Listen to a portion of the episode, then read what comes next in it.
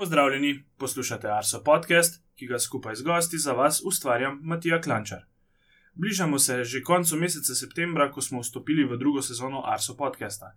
V prejšnji epizodi smo govorili o povzetku projekta Frisko 1, o čezmejnem usklajenem slovensko-hrvaškem zmanjševanju poplavne ogroženosti.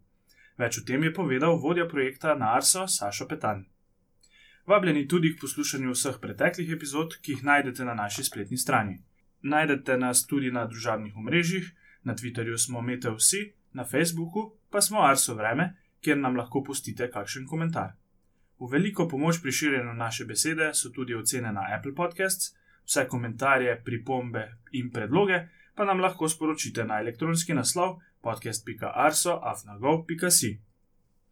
Danes bomo govorili o pojavu, ki se v teh mesecih pogosteje pričenja pojavljati in je pogost spremljevalec hladnih jesenskih in zimskih dni. Govorili bomo seveda o megli.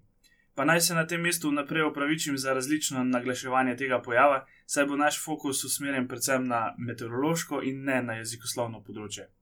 Z mano danes sta dva gosta, oba megla povezuje na delovnem mestu dežurnega prognostika. To sta Andrej Velkovrh in pa Blaž Šter. Pozdravljena Ja. oba. Dobar dan, živa. Uh, za začetek vam bom vprašal, koliko vam je ljub sploh pojav megle. Ali jo imate rada, ko se pojavi zjutraj na poti v službo, ali ne čisto tako. Andrej, mogoče. Pravzaprav nimam kakšnega posebnega odnosa do tega. Včasih je magla koristna, recimo, da nas reši slane, eh, naprimer, ne, ali pa pozebe, recimo, ne, kar se je že zgodilo. Seveda je počasih tudi malo mal moteča, sploh v prometu, zlasti v letalskem prometu, naprimer, ne, in recimo napovedovanje megle prav v letalskem prometu je lahko včasih uh, malce. Uh, Taka bi rekel težava ali pa nočna mora.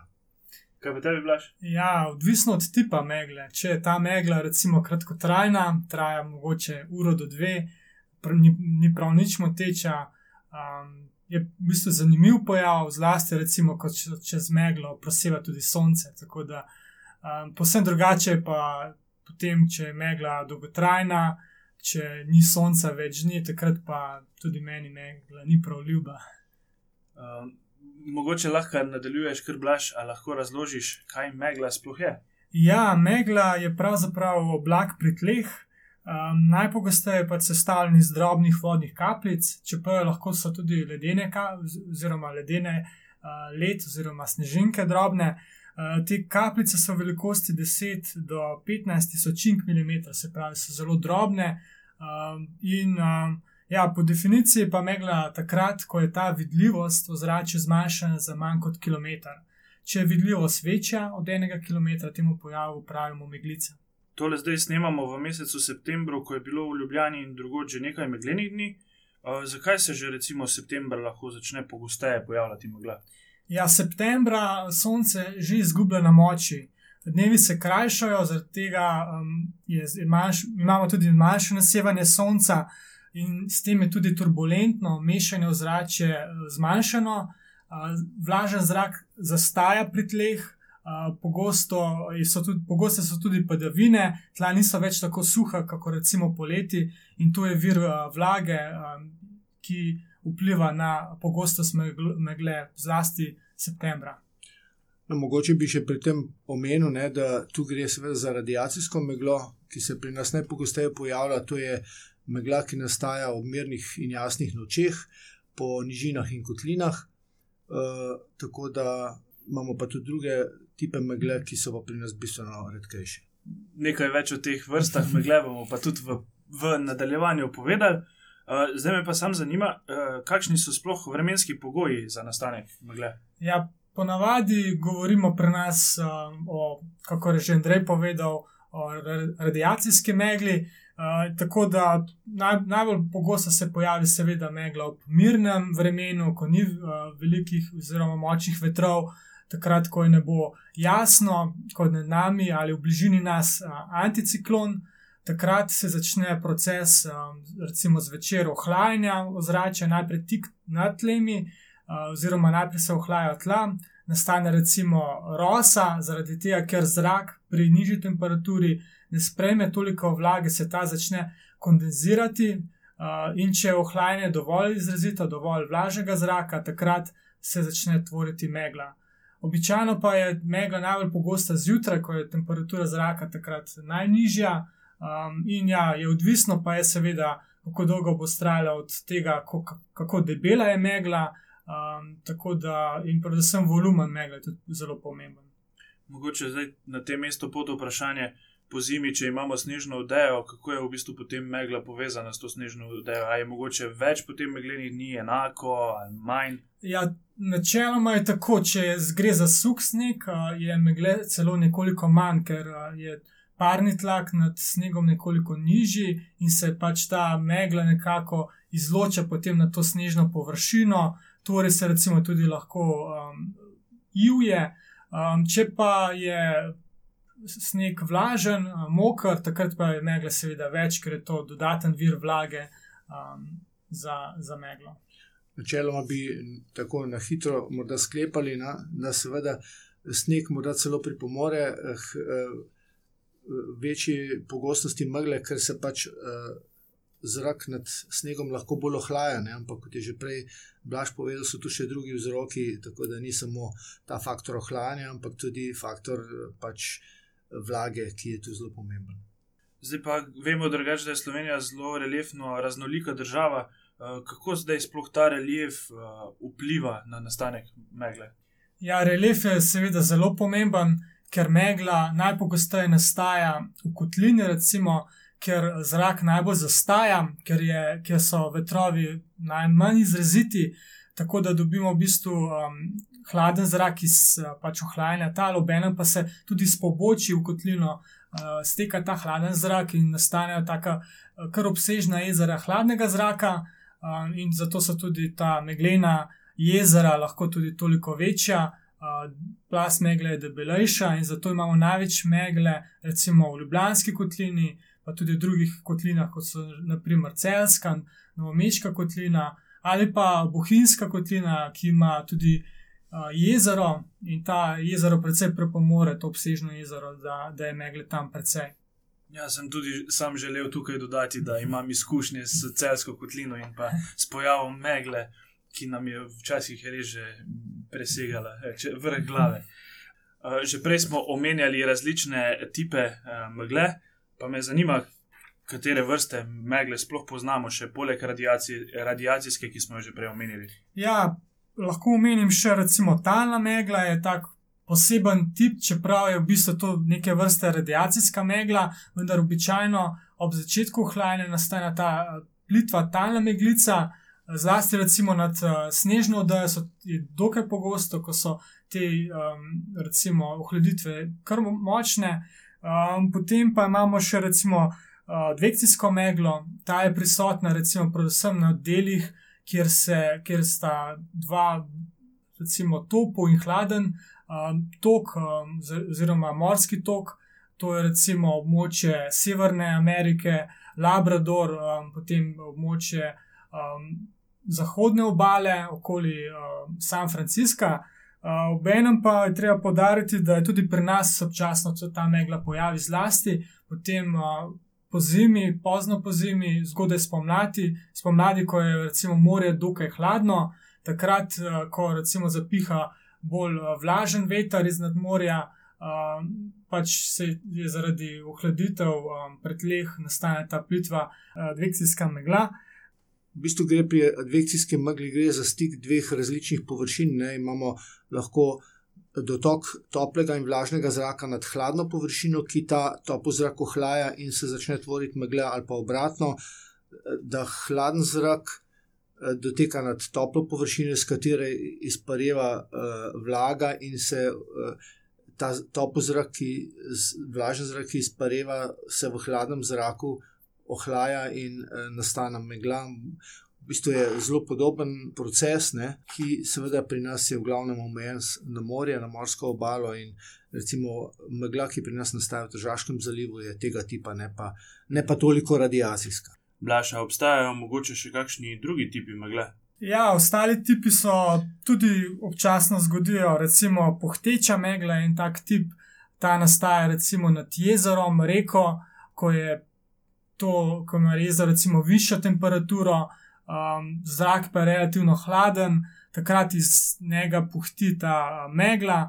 Um, to se ponovadi zgodi recimo zgodaj jeseni, takrat, ko je vodno telo še dokaj toplo in imamo prve ohladitve. Um, podoben tip, recimo, megle zasledimo tudi nad, uh, nad uh, sveže zorano nivo. Um, takrat lahko celo vidimo, kako se začne odvijati ta mikrokonvekcija, taki stebri. Um, tako da, ja, to je recimo dokaj pogost pojav, vendar bolj omejen na manjša območja.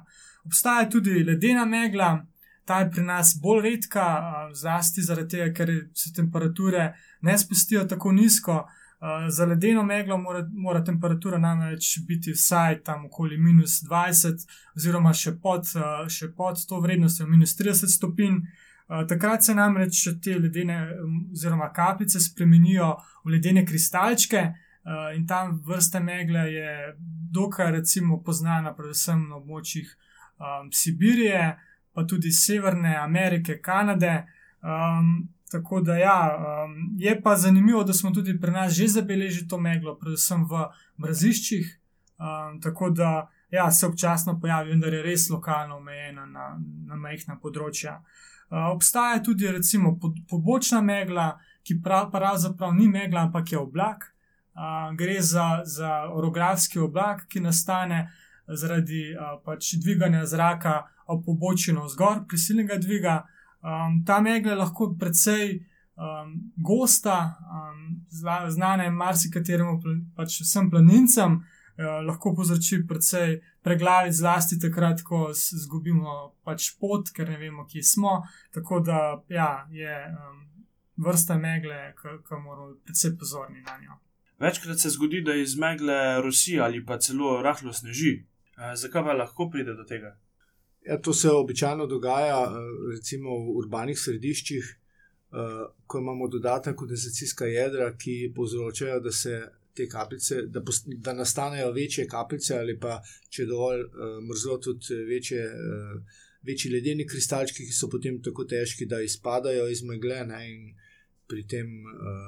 Potem dobimo take res majhne količine padavin, ki so seveda bolj vidne, če so v obliki snega, ker pobelijo ponovadi takrat tudi mrzla tla in se ne stalijo takoj. Ne?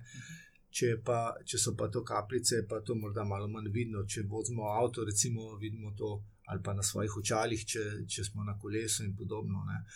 In to je dosti krat uh, lahko tudi posledica toplotnega otoka uh, v mestih, ne? ko se uh, zaradi lokalne cirkulacije zraka na, na obrobju uh, mesta v določenih conah uh, pride do spuščanja in uh, z, z, tako zraka, kot tudi teh kapljic ali pa teh manjših uh, teh, uh, ledenih kristalčkov, in pride tudi do izpada. Ne, da, uh, to je predvsej povezano, pa seveda tudi povezano z industrijo ali s kakšnim drugim načinom osnaževanja zraka, ko, ki prispevajo k dodatnim kondenzacijskim jedrom.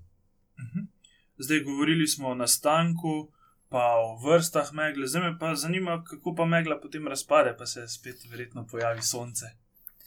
Ja, pač običajno se zgodi, da pač najprej posveti sonce na pobočje, recimo, če govorimo o kotlinski megli, in se začne megla najprej razkrajati na robovih. Tam, ker je obsevanje sonča največje, se začne zrak dvigovati in v enem ta vlažen zrak nekako um, se meša z bolj suhim zrakom, ki je više, tako megla počasi um, izklapeva. Um, Obenem pa recimo, um, se tudi, vemo, v Ljubljani um, pogosto krat zgodi, da se ta megla najprej dvigne v nek oblak, stratus. Um, to se zgodi, ker nekaj sevanja vendarle pride skozi atmosfero, zrak se nekoliko um, segreje in s tem tudi ta megla dvigne. Um, lahko se tudi zgodi, da imamo v bistvu um, toplotni otok, zato v Ljubljani celo ni megle, pa je megla recimo um, v Kranju ali pa kje druge. Um, tako da, um, ja, to je začetek razkroja. Potem pa je um, običajno tako, da, da megla se najdalj časa zadrži prav tam, ker je najmanj vetra, um, se pravi v središču, recimo v Ljubljanskem barju, na jugu, ker je um, debel pokrov najbolj, recimo, najbolj debil pokrov te megle. Tako da, um, ja, to je nek, nek običajen razkroj. Seveda imamo tudi drugačne razkroje. Recimo, če se spremeni um, vremenska situacija, recimo, da zapiha veter, um, ampak mora biti že kar pošten veter, da razpiha to meglo, ker je običajno ta um, plast, kjer se nahaja megla, zelo stabilna in ta veter, dokaj s težav, prodre potem v to megleno plast in razkroji meglo. Lahko se, se razkroji tudi z pooblačitvijo, recimo nizka oblačnost, ki uh, prekrije meglen pokrov, uh, nekako um, s svojim sevanjem se greje to uh, meglo in s tem se ta megla, oziroma ta megla, iz, pač iz, izhlapi. Tako da je to nek način ki se dokaj pogosto zgodi. Tako da imamo recimo da meglene dneve, potem pa zapiha jugozahodnik, priže, eh, pride nekako do te nastanka nizke oblačnosti in s tem uh, nekako pridemo iz megle, iz megle v oblačen, oblačen dan, obenem pa se začnejo že recimo nastajati padavine zahodno v naših krajih. Tako da um, hitro pridemo potem v ciklonalni tip vremena. Eh, in prav so veliko sonca, takrat seveda ni. Uh, oba vaju povezuje delo meteorologa prognostika, kot sem že na začetku omenil, uh, pa me zanima, s kakšnimi težavami se srečujete pri napovedovanju megle. Ja, seveda, zdaj, eh, raz, lahko je majhna razlika v vlažnosti zraka, pa imamo en dan meglo, en dan pa ne. Recimo, ne. Včasih je problem tudi v napovedi vetra. Če je vetra dovolj čez noč, se megla ne nastane, ker se ker se ne more nabirati hladen zrak po kotlinah. Ne? In včasih je ravno uh, uh, napoved vetra, tista dobra napoved vetra, tista, ki omogoča tudi dobro napoved meglene. Ali pa seveda tudi dobra napoved više ležeče oblačnosti. Recimo se zgodi, da napovedujemo, da meglene bo, ker pričakujemo plast više oblačnosti, pa se potem pa potem ta plast uh, oblačnosti razpade, ali pa je preredka, ali pa pretanka, in megla lahko vedno, nasta, š, kljub temu, nastane. Ne? To so pač tiste izzivi ali pa pasti, kakorkoli hočete, uh, ali pa nijanse, ki odločajo o tem, ali bo megla nastala. No, danes so pravzaprav te, te naši modeli, uh, sploh te. Uh, uh, Kot je naš Aladin, mm -hmm. ja, modeli z omejenim območjem, že dokaj točni in so sposobni kar dobro napoved, napovedovati meglo, sploh v teh večjih kotlinah, kot so vem, Novomeška, Celska, Krška, Ljubljanska, ne, ne pa za, za manjša območja. Oziroma, za manjše doline, kot so to Litijska kotlina ali pa vem, Idris, Idrijska kotlina, oziroma dolina Idrice, Bohin in podobno. Mm. Ampak seveda tukaj pa še vedno štejejo izkušnje in tudi se da nekako aplicirati, če če je uh, pač nekje uh, možnost za nastanek megle. Mm. Generalno, da bo zelo verjetno tudi v teh manjših uh, kotlinah in dolinah uh, možnost uh, nastanka megle. Ja, lahko omenimo še, da so dosti krat problematična prav uh, tla oziroma stanje tal. Recimo, če imamo suha tla, je posebno drugače, kot če imamo res vlažna tla. Tako recimo poleti pogosto nastane megla po dežju, tako da če recimo nastane nevihta, bo verjetno naslednji dan um, nad kotlino megla. Uh, tako da ja, pač so kar izzivi, zlasti ker je predvsej um, treba upoštevati še mikrofiziko teh uh, delcev, um, pa tudi recimo te ostre temperaturne inverzije so recimo v modelu dokaj ne tako dobro predstavljene, kot pa v naravi, ko vemo, da imamo lahko zelo ostro mejo. Recimo pri teh simulacijah pa so te meje ponavadi malo zabrisane, oziroma ne tako zelo ostre. Andrej, ti v okviru službe dežuraš tudi na Brniku, pa me zanima, kako je z napovedovanjem megle tam in kaj mora prognostik paziti v letalskem prometu. Tudi. Ja, meteorološka vidnost oziroma vidljivost je seveda za letalski promet bistven, eden od bistvenih parametrov. Ne? Seveda imamo tudi dobro, veliko eh, instrumentalno opremljenost eh, z vizibilimetri, eh, ki, kar se tiče dejanske veliko, eh, analize ali pa diagnoz, trenutne diagnoze, eh, dobro upravljajo svoje, svoje poslanstvo, ne, svoje delo. Eh, stvar prognostike pa je seveda, kako bo lahko predvidel eh, to meglo, ne?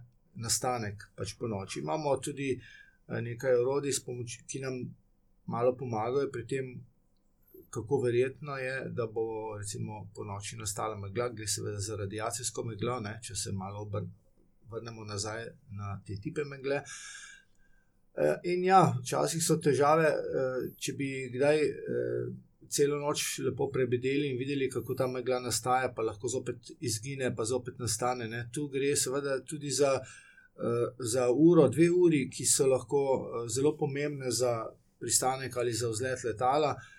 Ko recimo megla zvečer začne nastajati, pa potem malo pihne veter, jo prežene ali pa razreči, pa potem zopet nastane. Tako da to ni enostavna zgodba, kot si morda predstavljate, da ko enkrat megla nastane, pa je.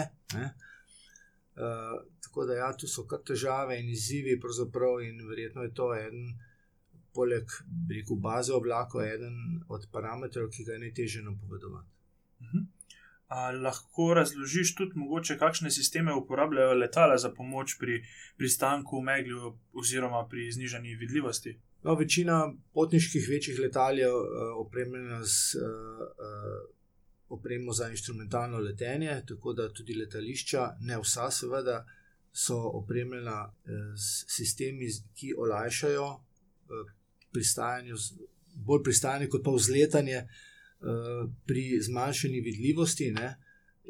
Ločimo pač uh, VFR, to se pravi letenje, ki je vezano samo na vidljivost, eh, se pravi, brez inštrumentov in pa instrumentalno letenje. Ne, seveda, najprej uh, so prizadeta letala, ki nimajo uh, sistema za instrumentalno letenje, to so glavna manjša letala, kajti ti sistemi so dragi in seveda za manjše letale niso niti smiselni, v glavnem se uporabljajo za, za potniški promet. Eh, no, in recimo tudi Ljubljansko letališče je opremljeno uh, uh, za take primere, tako da potniška letala lahko dokaj varno pristajajo tudi v dokaj gosti megli. Ne. Se pa lahko zgodi, kot se je tudi letos, ko je strela poškodovala te sisteme za ocenjevanje meteorološke vidljivosti, da potem se pač s tem ne da pomagati. In, takrat se šele pokaže, kako pomembna je ta oprema, kako pomembno je, da skrbimo uh, za kvalitetno delovanje, za redno preverjanje uh, delovanja teh sistemov, in tako naprej. Uh, zdaj, seveda, pač imamo določene kriterije, po katerih vse je pravzaprav izdelano, kaj, kaj je pri določeni. Če vidljivost pade pod 800, pod 600, pod 350 metrov, in tako naprej, kakšne so procedure in kakšne so zahteve. Uh, za konec se lahko dotaknemo tudi malce številk. Uh, pa me zanima, kako sploh pogosta je megla v Sloveniji. Jaz imam v spominu, da, da se mi zdi, da tam v konec 80-ih, začetek 90-ih je bilo teh meglenih dni malce več kot sedaj. Ja, meritve sicer kaže, da je res nekolikšen upad teh meglenih dni. Vendar ja, je pa res, da imamo tudi sedaj manj um, podatkov, vedno manj je opazovanj megle, obenem um, se tudi ta opazovanja zgodijo v različnih časih, tako da lahko da zamudimo to meglo, ki nastane. Um, zagotovo pa je megle največ, seveda, v zimskem času, um, frekvenca pojavljanja se poveča zlasti tudi v, v septembru, ko imamo veliko število, tudi nad deset, um, recimo v Ljubljani, število meglenih dni vendar je ta megla običajno še kratkotrajna, se razkroji, medtem ko je po zimi, um, seveda, prisotnost uh, predvsem teh dolgotrajnih um, temperaturnih inverzij z meglo, uh, ki lahko traja kar nekaj dni. Um, tako da je recimo v Ljubljani vse skupaj približno 90 dni z meglo, um, več megle, recimo, seveda na Barju, um, tam okoli, tudi okoli 200 dni z meglo. Um, Imam pa seveda ob obali, na primorskem, recimo le 20 dni zmeglo, um, pa tudi na gorenskem le 24 dni. Tako da so kar velike razlike med kraji. Tisti kraj, ki so v kotlini, imajo več megle, tisti kraj, ki so v dolini, imajo že nekoliko manj, zlasti tiste doline, ki so nekoliko, ki imajo recimo nagnjeno, nagnjen teren, tako da ta hladen zrak nekako izteka in se ne zadržuje. Tako da, um, ja, veliko megle, recimo tudi v Buhinski kotlini, okoli 130 dni, na vzhodu pa v Murski soboti um, slabih 80, um, pa v Mariboru le 30 dni zmero. Tako da so razlike res velike. Mogoče bi še eh, samo pripomnil pri tem, da morda ta občutek res ne vara, da je megle ponekod manj, kot je bilo, malo je tega ukril spremenjen vzorec vremena, vzorci vremena se spremenjajo, več je, več je morda eh, vetra, ki, ki zmanjšuje, recimo, sploh tu v notranjosti Slovenije, ne, kot je bilo včasih, potem uh, uh, toplotni otok mesta povzroči, da imamo. Uh, opazovano, da se večkrat na mesto megle ustvari pokrov nizke oblačnosti in pač je vidnost nad en kilometr in ni megle. Ne? Eh, večje, ko je mesto, večje možnosti za tak pojav. In pa tudi, seveda, naša prizadevanja za to, da za čistejše ozračje, da je pač, smo marsikaj naredili za to, da je ozračje bolj čisto, manj kondenzacijskih jeder in posledično Eh, seveda v bolj onesnaženem zraku megla hitreje nastaja, kot pa v bolj čistem. In to je pa, rekel bi, en tak naš doprinos, da človeški vpliv, da je, da je megle morda malo manj tudi po tej plati. Blaž, prej si že omenil uh, tudi območja po svetu, ki so mogoče malce bolj megleno izrazitejša.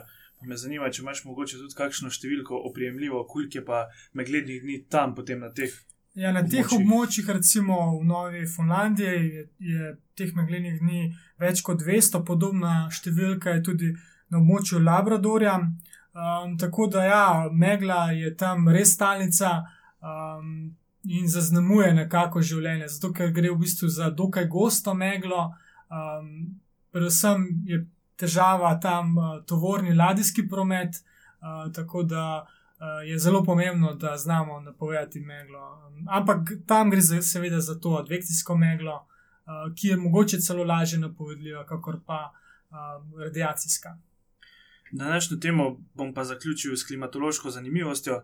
Najbolj siv mesec do sedaj je bil januar leta 1970, takrat je v Ljubljani cel mesec sonce svetilo le 4 ure, na Krederici pa za primerjavo 102 uri.